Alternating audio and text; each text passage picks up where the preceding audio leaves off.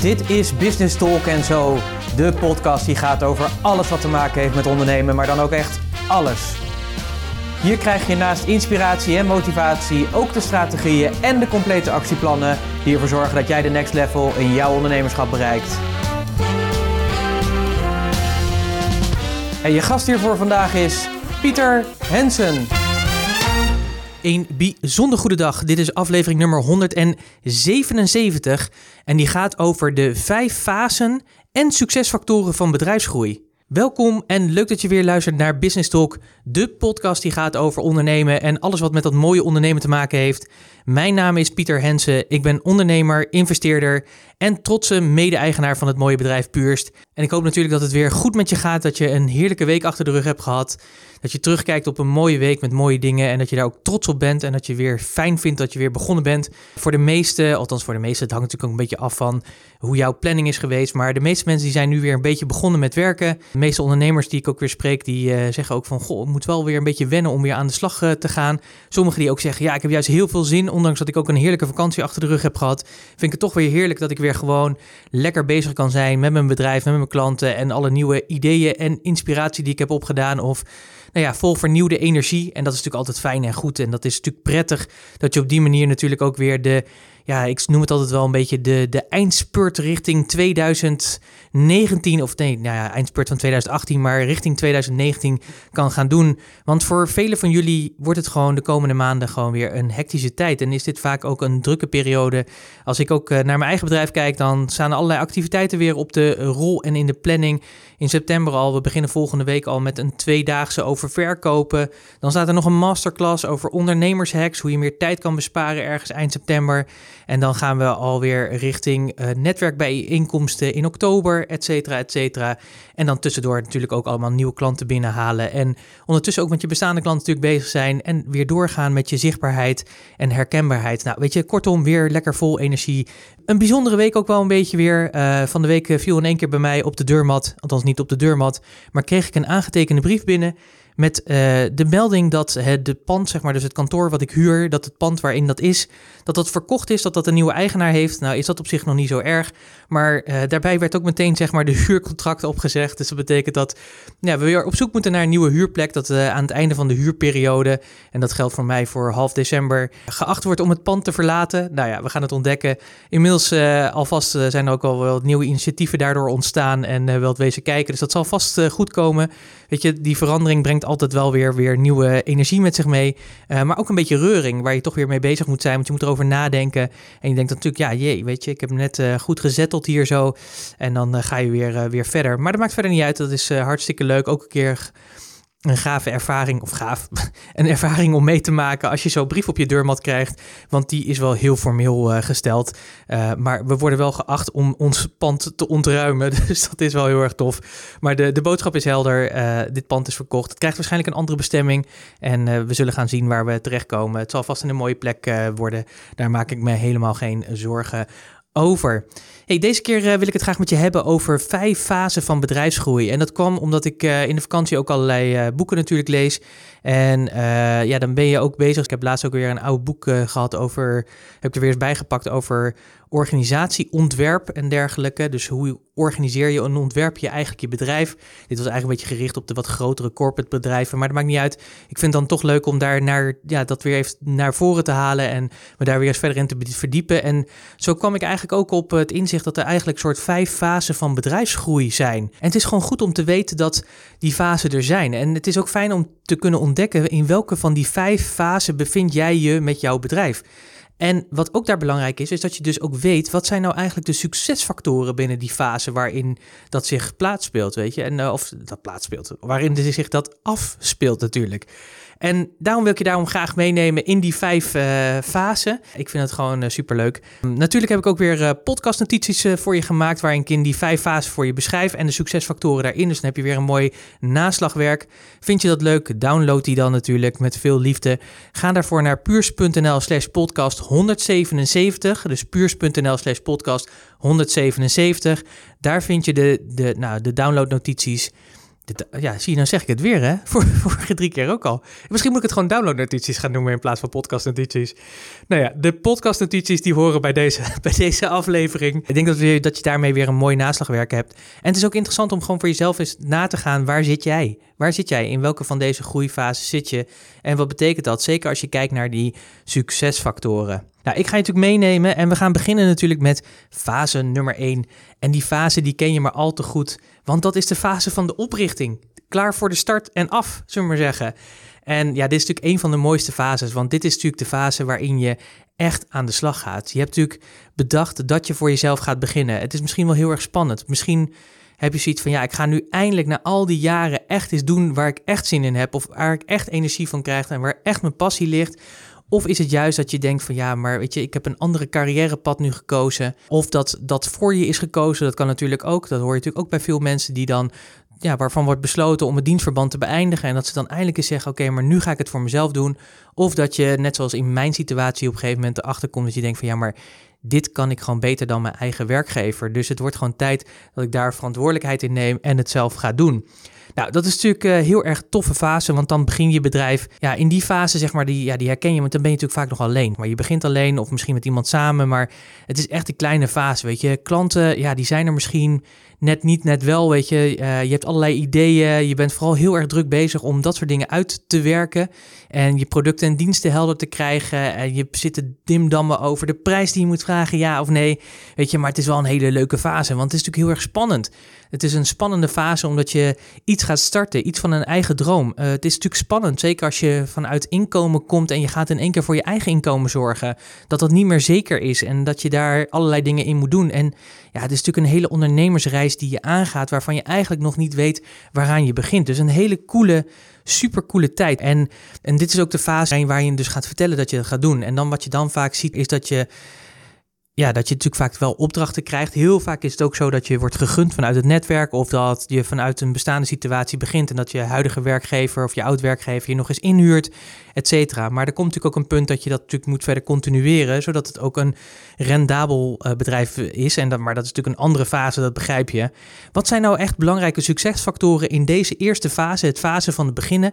Nou ja, die kennen we en dat blijft een lastige. Dat is natuurlijk dat je enorme zelfdiscipline moet hebben. Je moet natuurlijk heel erg gefocust zijn om te zorgen dat je juist de dingen doet die ervoor gaan zorgen dat, er, ja, dat die klanten ook daadwerkelijk gaan komen en dat je die opdrachten kan gaan vervullen. Want je hebt best wel veel te doen, want dat is vaak wat mensen natuurlijk zeker in die beginfase ook even vergeten ja, weet je, je komt vaak vanuit een organisatie. Althans, de meeste van ons die starten vanuit een organisatie, starten voor zichzelf. En dan zijn ze natuurlijk gewend om in die organisatie, die heeft allerlei afdelingen die allerlei zaken regelen. En in één keer ben jij al die afdelingen in één keer. Dus je doet niet alleen je eigen marketing, maar je doet ook je zorgen voor je sales. Uh, je doet het product leveren. Uh, maar je moet ook in één keer, zeker als je een kantoorruimte hebt, moet je misschien je eigen koffie regelen. Nou, noem maar op. Weet je, dus dat soort dingen, dat komt erbij kijken. Het is heel belangrijk om die focus aan te brengen, want je hebt nogal wat te doen. En doordat je die focus heel erg aanbrengt en die zelfdiscipline hebt, kun je er ook voor zorgen dat je juist ook bezig bent met de juiste dingen, zoals een goed marketingplan, et cetera. Een juiste product-dienstcombinatie, noem maar op. En te zorgen dat je meer winstgevendheid in je bedrijf creëert. En als je dat hebt en je bent een tijdje bezig op die manier, dan kom je vanzelf een beetje in de volgende fase. En dat is eigenlijk de meest spannende fase, want dat is de fase van het overleven en de eerste groei. Dat noemen we fase nummer 2. Die wordt eigenlijk natuurlijk ook niet voor niets zeg maar de overlevingsfase genoemd, omdat je dan dat je vaak dan ook letterlijk als ook echt in een soort overlevings mode zit. Want je hebt waarschijnlijk heb je dan een aantal klanten, daar ben je mee bezig en dat is natuurlijk heel erg fijn. Alleen heel vaak is het zo, wat ik net vertelde, kwamen die vaak doordat je het gegund werd. Toen ik begon, ging dat ook zo. Ik, ik begon zeg maar met mijn eerste opdracht. Toen werkte ik nog. Maar toen ik ging vertellen in mijn omgeving wat ik ging doen, in mijn netwerk. Toen kwamen er allemaal vragen in één keer vanuit dat netwerk. Die zeiden van, hé, hey, super leuk dat je dat gaat doen. Kom maar eens langs, weet je. En omdat mensen je kenden en ik 15 jaar lang aan dat netwerk heb gebouwd, ja, had ik ook een gunfactor. En zo ben ik ook begonnen. En dat is heel erg fijn, want dan krijg je natuurlijk een soort vliegende start. Uh, maar op een gegeven moment, en daar helpen, dat merk ik ook bij veel klanten die ik spreek en ondernemers die ik spreek, zeker als ze in die startfase zitten, in die beginfase, ja, dan is het risico dat op een gegeven moment die gunfactor uitgewerkt is en dat, dat ja, die gunfactor ook een beetje uitgedroogd raakt, waardoor je dus ja, actief andere dingen moet gaan doen om te zorgen dat die continue klantenstroom op gang komt. Dus wat je ziet in, de, in die fase is dat je nog eigenlijk geen uh, vaste klantenstroom hebt. En dat is eigenlijk in deze fase essentieel om daaraan te gaan bouwen. Je bent nu nog steeds waarschijnlijk een beetje klein. Het, op zich gaat het wel redelijk, zullen we zeggen. Je hebt wel een bepaalde vaste stroom van klanten. De ene maand gaat het wat beter dan de andere maand. Maar het wordt dus echt tijd om aan die constante stroom te gaan werken. En te zorgen dat je ja, verder kan groeien, zodat je ook je team kan opbouwen. Dus in, vaak in fase 2 ben je ook nog steeds zeg maar, bezig met je eigen bedrijf zeg maar, en alle activiteiten binnen je bedrijf om dat vorm te geven. Nou zijn er in deze fase eigenlijk drie belangrijke succesfactoren. Waar ik het net al over had, zeg maar, is natuurlijk het bouwen aan een constante klantenstroom. Aan een constante stroom van leads. Om te zorgen dat je natuurlijk je boterham kan blijven verdienen, maar ook dat je kan, kan groeien. En dat doe je door behulp van je marketing. Weet je, gewoon door zichtbaar te zijn, door veel te netwerken. Of juist veel op social media aanwezig te zijn. Of nou, wat voor manier dan ook, hè, welke strategie bij jou het beste past en je beste bedrijf past. En wat ook heel erg belangrijk in deze fase is, en daar staan we eigenlijk niet zo bij stil, is dat, en dat is eigenlijk in elke fase zo, maar in deze fase des te meer, omdat je zeg maar in die overlevingsfase zit. Want dit is ook de fase zeg maar waarin bedrijven het wel redden of niet redden. Uh, dat is dus, dus echt wel een spannende fase. Dit is dus ook, ook een belangrijke succesfactor en dat is dat je heel hard werkt aan klanttevredenheid. En hoe hoger de klanttevredenheid is, hoe belangrijker het is. Dat is sowieso natuurlijk, maar in deze fase zeker. Want wat er gebeurt is, is dat de mensen dan jouw diensten gaan doorverwijzen. Dus mensen gaan een andere vertellen hoe goed je bent. Dus ze gaan je aanbevelen en dat is natuurlijk heel erg fijn, want dan krijg je ook een continue stroom van klanten waar je heel weinig voor moet doen. Nou, dat is niet helemaal waar. Je moet natuurlijk gewoon goede dienstverlening leveren en je moet natuurlijk zorgen dat je klanten tevreden zijn en je moet ze natuurlijk op attenderen dat ze dat voor je moeten doen. En het derde belangrijke deel is dat je, waar je op je moet gaan concentreren, zeker als je wat meer, meer in die groei zit, is op aannemen. Aannemen van mensen. Om heel eerlijk te zijn, in deze fase zeg maar, ben je nog heel veel zelf aan het doen, maar je bent aan het groeien. En doordat je groeit, kun je eigenlijk niet meer alles zelf doen. Dus je ziet hier ook vaak zeg maar, dat dit de fase is waarin ondernemers um, nog een beetje in de oude modus blijven zitten. Het ook lastig vinden om het los te laten. En dan toch uh, zelf veel gaan doen, waardoor ze veel tijd en energie missen. En wat je dan ook vaak ziet, is dat bijvoorbeeld als ze in het begin nog heel actief waren op social media, zie je ze in één keer een stuk minder actief zijn. Dus dat wil niet zeggen dat ze dat dan niet meer zijn of dat het dan niet goed met ze gaat. Uh, maar vaak is het zo dat het dan tijd wordt om andere mensen aan te gaan nemen om te zorgen dat die die dingen van jou oppakken waar je zelf minder goed in bent of waar je überhaupt niet je geld mee verdient. En dat jij je meer je kwaliteiten gaat inzetten en vooral zorgen dat die kwaliteiten zo ingezet worden dat ze natuurlijk uiteindelijk geld opleveren. Dat is natuurlijk heel erg belangrijk. Wat ook een risico is bij deze fase, en dat is eigenlijk best wel spijtig om te noemen, en ik hoop niet dat jij erin zit, is dat dit ook de fase is waar heel veel ondernemers in blijven hangen. Daardoor het vaak ook niet overleven of in deze niveau blijven hangen, waardoor ze maar een beperkt de mate van inkomen hebben. En dat komt omdat ze heel vaak ook bezig zijn met allerlei bijzaken. Dit is ook de fase dat je zegt van ja, maar nu ga ik even goed mijn, mijn website moet ik even goed gaan neerzetten. En ik moet natuurlijk echt zorgen dat alles klopt en, en werkt zoals het zou moeten. Veel productontwikkeling bezig zijn en denk van ja, welke diensten kan ik nog meer aan doen? Want ik heb nu eenmaal een dienst verkocht. En dan wordt het ook weer tijd om een nieuwe dienst te doen. Ja, dit is vaak de fouten die we maken, want wat we dan zien gebeuren is dat die ondernemer te veel naar binnen gericht is en te weinig naar buiten, naar nieuwe klanten toe is, of daar zich op richt, of te weinig bezig is met zijn huidige klanten. En het risico is dan is dat het of afneemt, omdat klanten niet tevreden zijn, of zich voelen dat ze te weinig aandacht hebben, of dat ze niet vinden wat ze bij je zoeken, omdat je weer al met het volgende bezig bent, maar dat dat niet bij hun past. Dus dit is best wel een risicovolle fase waar je in kan zitten. Dus des te meer reden om je goed daarvan bewust te zijn. Dus in deze fase is het heel erg belangrijk, in deze overlevingsfase, om te zorgen dat je naar die volgende fase kan toegroeien. Dus naar de derde fase, dat je je concentreert op marketing en verkoop. Zorg ervoor dat je de juiste klanten naar je bedrijf toe haalt, zodat je ook natuurlijk geld hebt om te kunnen blijven investeren in die verdere groei. En als je dan zeg maar, als, dat, als je dat lukt om die continue stroom van klanten op te bouwen, ja, dan kom je dus in die volgende fase. En dat is eigenlijk de dat is fase nummer drie. En dat is de fase die we niet voor niets de succesfase noemen. Want je kan nu eindelijk profiteren van al je harde werk wat je binnen je bedrijf hebt gedaan. En dit vraagt meestal om een periode van drie tot vijf jaar om in deze fase te komen. Soms kan het langer zijn, soms kan het ook korter zijn, maar dat is vrijwel uitzonderlijk of uniek. Komt weinig voor. Dus zo zie je ook weer dat, lange, dat ondernemen ook echt een lange termijn sport is. Zeg maar. Het is een lange termijn actie. Je bent er niet zomaar in een jaartje. Je kunt echt wel een jaar naar een goed inkomen bouwen. Maar wil je consistent duurzaam doorbouwen naar een bedrijf, zeg maar, wat over 20, 30, 40 jaar ook nog uh, bestaat en inkomen heeft, ja, dan zul je daar andere dingen voor moeten doen. Wat het hele fijne is dat je dus nu die consistente stroom van klanten hebt. Je maakt winst, je beschikt inmiddels over een aantal mensen die je ondersteunen en die zorgen dat je dagelijkse activiteiten binnen je bedrijf uh, ja, gewoon goed gaan. En dat is heel erg fijn, want dat betekent dat je je eindelijk op andere dingen kan richten. De succesfactoren in deze fase die zijn eigenlijk dat je nog meer ondersteuning durft in te schakelen en liever eerder dan later. Het is, dit is ook de fase waarin je door groei kom je op een punt dat je zegt van ja, moet ik nu weer de volgende medewerker inschakelen of moet ik nu de volgende professional inhuren en uh, of moet ik het eerst gaan verdienen? En het antwoord is natuurlijk dat je het altijd eerst moet gaan inhuren en dan gaat verdienen. Ik geloof heel erg in dat daarin echt de kosten voor de baten uitgaan.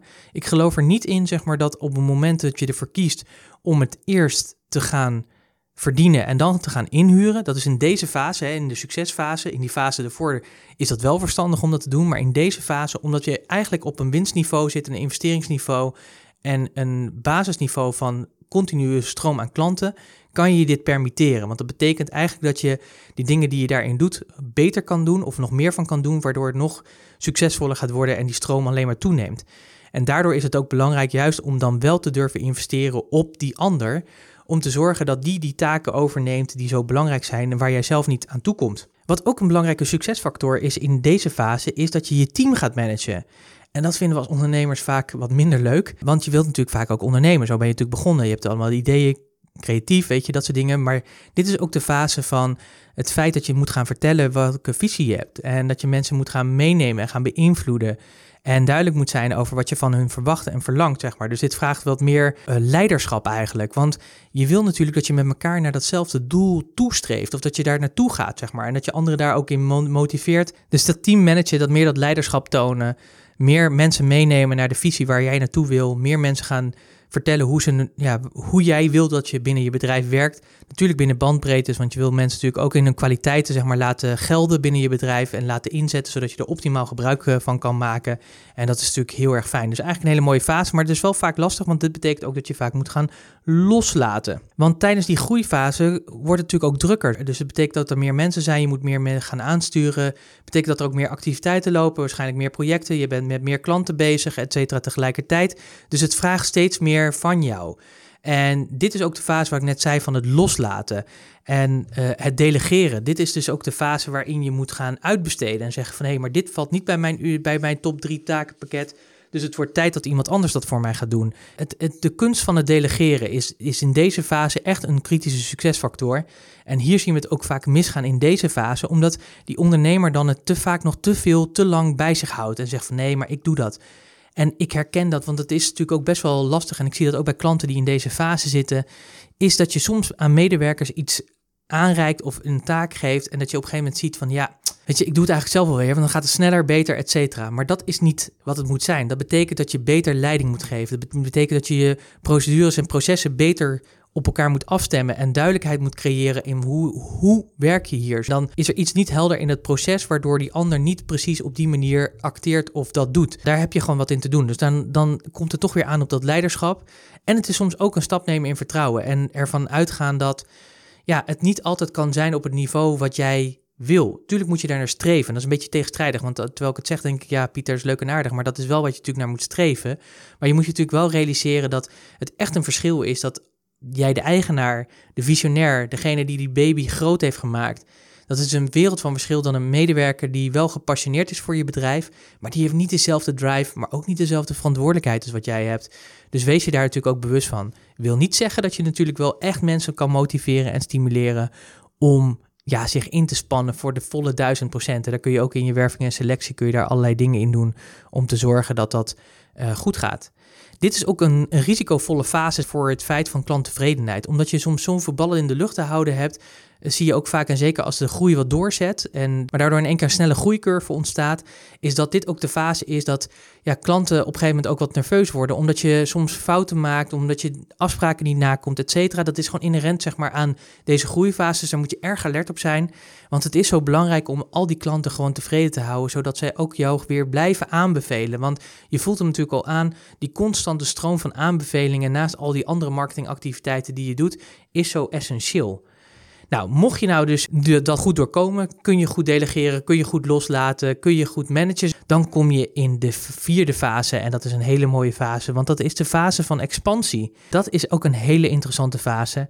En je moet bedenken dat deze fase begint ongeveer bij een omzet van een miljoen euro per jaar. Dus als je daar zit, dan zit je vaak in deze fase. Nou hoeft dat niet, want ik heb bijvoorbeeld ook een klant die ruim boven deze omzetfase zit, maar eigenlijk nog heel erg in die tweede fase zit.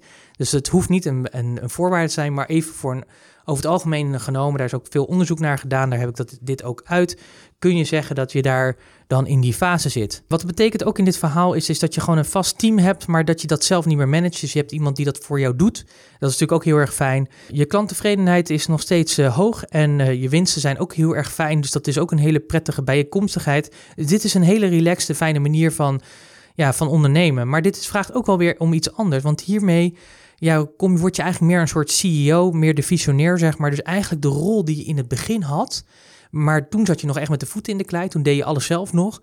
Die krijg je nu weer, alleen op een andere manier. Dus het betekent dat er ja, hele andere dingen van je van je verwacht worden, maar dat je ook andere dingen kan gaan doen. Je kunt weer gaan nadenken over waar wordt de volgende fase van mijn bedrijf. Ga ik er een bedrijf naast starten? Gaan we de productielijnen naast starten? Of gaan we nieuwe dienstlijnen ernaast zetten? Etcetera, etcetera. En dat is een hele leuke fase. Het belangrijkste is natuurlijk steeds dat je zorgt dat je waarde blijft toevoegen. Hè? En dat je door die groei natuurlijk ook steeds de juiste mensen blijft inhuren. Maar daar heb je natuurlijk ook een groep van mensen voor binnen je bedrijf die daar ook verantwoordelijk voor zijn. En natuurlijk nog steeds is het heel erg belangrijk in deze fase om te blijven delegeren. Dus zorg ervoor dat je, ja, dat je die taken die jou, jou niet jouw unique brilliance zijn, dus die jou niet je uniekheid weergeven en niet ervoor zorgen dat je unieke talenten inzet, dat je die natuurlijk blijft uitbesteden aan anderen en dat je alleen maar focust op die dingen waar jij heel erg goed in bent. Want er zijn gewoon heel veel andere mensen die veel beter zijn in bepaalde werkzaamheden dan dat jij dat bent. En als je daar dan verder in groeit, dan kom je op een gegeven moment vanzelf in fase nummer 5. En dat is de fase waarin je, als je kijkt naar je bedrijf, je bedrijf een bepaalde volwassenheid heeft, maar die is verder te optimaliseren. Wat je vaak ziet, zeg maar, in deze fase is, is dat je als eigenaar eigenlijk niet meer zo zelf zoveel actief bent in, uh, in je bedrijf, waar ik het net al over had. Uh, je neemt eigenlijk steeds meer afstand. En hierdoor kun je echt dingen doen die je zelf wil doen. Dit is ook de fase, zeg maar, waarin je als ondernemer eh, daar heb ik het ook vaak over met mijn ondernemers, met mijn klanten, is dat je op het moment dat je begint met ondernemen, moet je eigenlijk al nadenken over, stel dat ik straks in die bedrijfsvolwassenheid zit, dus in, die bedrijfs, in, die, in deze fase 5. Wat ga ik dan doen met dat bedrijf? Wat wil ik daar eigenlijk mee? Wil ik het kunnen verkopen? Wil ik het behouden? Wil ik het uitbreiden? Etcetera, etcetera. Dat zijn alvast strategieën, daar mag je over nadenken. En ik denk dat het zelfs goed is om erover na te denken. Want het voordeel daarvan is, is dat je dus als je in die fase komt, ook daar al op voorbereid bent. Mijn strategie is om mijn bedrijf zo te laten groeien, dit bedrijf zo te laten groeien, dat ik ook in die fase terechtkom. Maar mijn strategie is om het bedrijf te behouden, het verder groter te maken, internationaal verder uit te rollen. En daarnaast zeg maar ook nieuwe bedrijfsactiviteiten te starten. Dus nieuwe initiatieven te starten die naast puurs lopen. Daar ben ik ook al mee bezig. Heel klein, dat de meeste focus moet gewoon in dit bedrijf zitten. Want in die fase zitten we gewoon heel simpel. Maar het neemt niet weg dat ik daar al wel over na heb gedacht. Van hoe ziet dat er over 10, 15 jaar uit? En daar heb ik een heel duidelijk beeld bij. En dat is heel erg fijn. En het leuke is, is dat dit de fase dus is waar je kan gaan nadenken wat je dus wil. Wat wil je? Dus kijk, de limit. Je hebt in principe je handen vrij. Het bedrijf dat loopt, weet je, jij hoeft het niet meer te doen. Je kan bij van spreken de hele tijd op de Bahamas liggen. Er zijn toch andere mensen die het operationeel oppakken en zorgen dat het verder gaat. kan je natuurlijk niet helemaal doen, want je moet natuurlijk wel gewoon vinger aan de pols blijven, want het blijft en is jouw bedrijf. Dat is in alle fases zo, zeker als je mensen erbij krijgt. Het is heel erg belangrijk om te zorgen dat je, die leiding, dat je dat leiderschap toont, dat je geen genoegen neemt met minder, dat je echt kiest zeg maar, voor wat jij belangrijk vindt.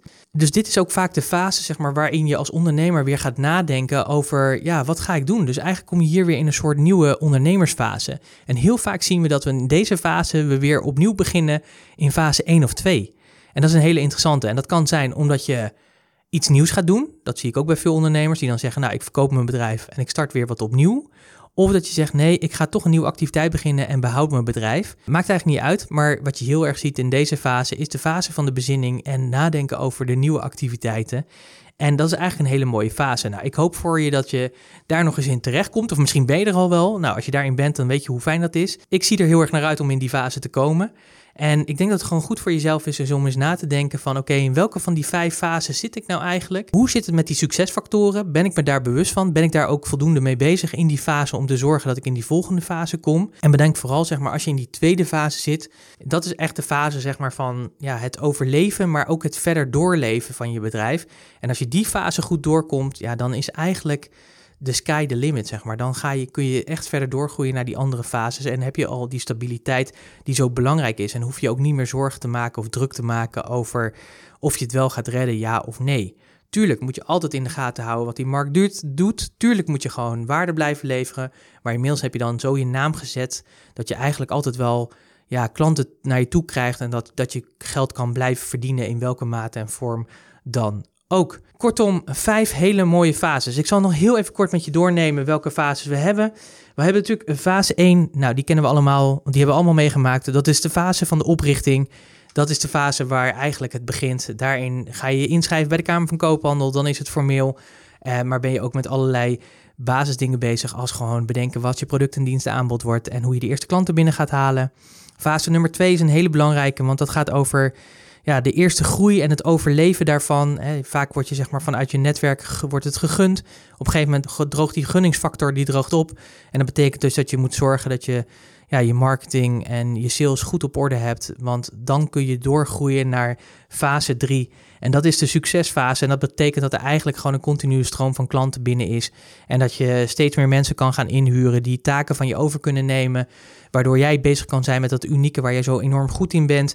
En die anderen dat kunnen doen waar zij zo goed in zijn, maar waar jij absoluut niet goed in bent. En als je daarin verder doorgroeit en die stroom verder uitbreidt, dan kom je in fase 4. En fase 4 is eigenlijk de expansiefase. En ja, hier wordt het ook jouw rol ook anders. Hier ga je echt meer naar de CEO toe. Hier heb je mensen die het voor je runnen en voor je doen. Je hoeft dan meer mensen te inspireren en te motiveren en ja, te zorgen dat ze de juiste stappen zetten en te, ja, te, te activeren om dat te doen. Hier groei, hier groei je ook, uh, ook door. De kunst is voor jou om dan te blijven delegeren, om te zorgen dat je echt die dingen doet waar je goed in bent en dat je uitvoerende dingen steeds meer uitsto ja, afstoot. En als je dan nog verder doorgroeit, dan, ja, dan heb je je bedrijfsvolwassenheid, die heb je gewoon bereikt, dat is fase 5. En dan wordt het tijd om te kijken of je dat verder kan optimaliseren. Maar dat betekent dat jij dat niet meer actief hoeft te doen. Dit is ook de fase dat je eigenlijk gewoon, dat je bedrijf gewoon staat en groeit. En dat het gewoon lekker doorgaat.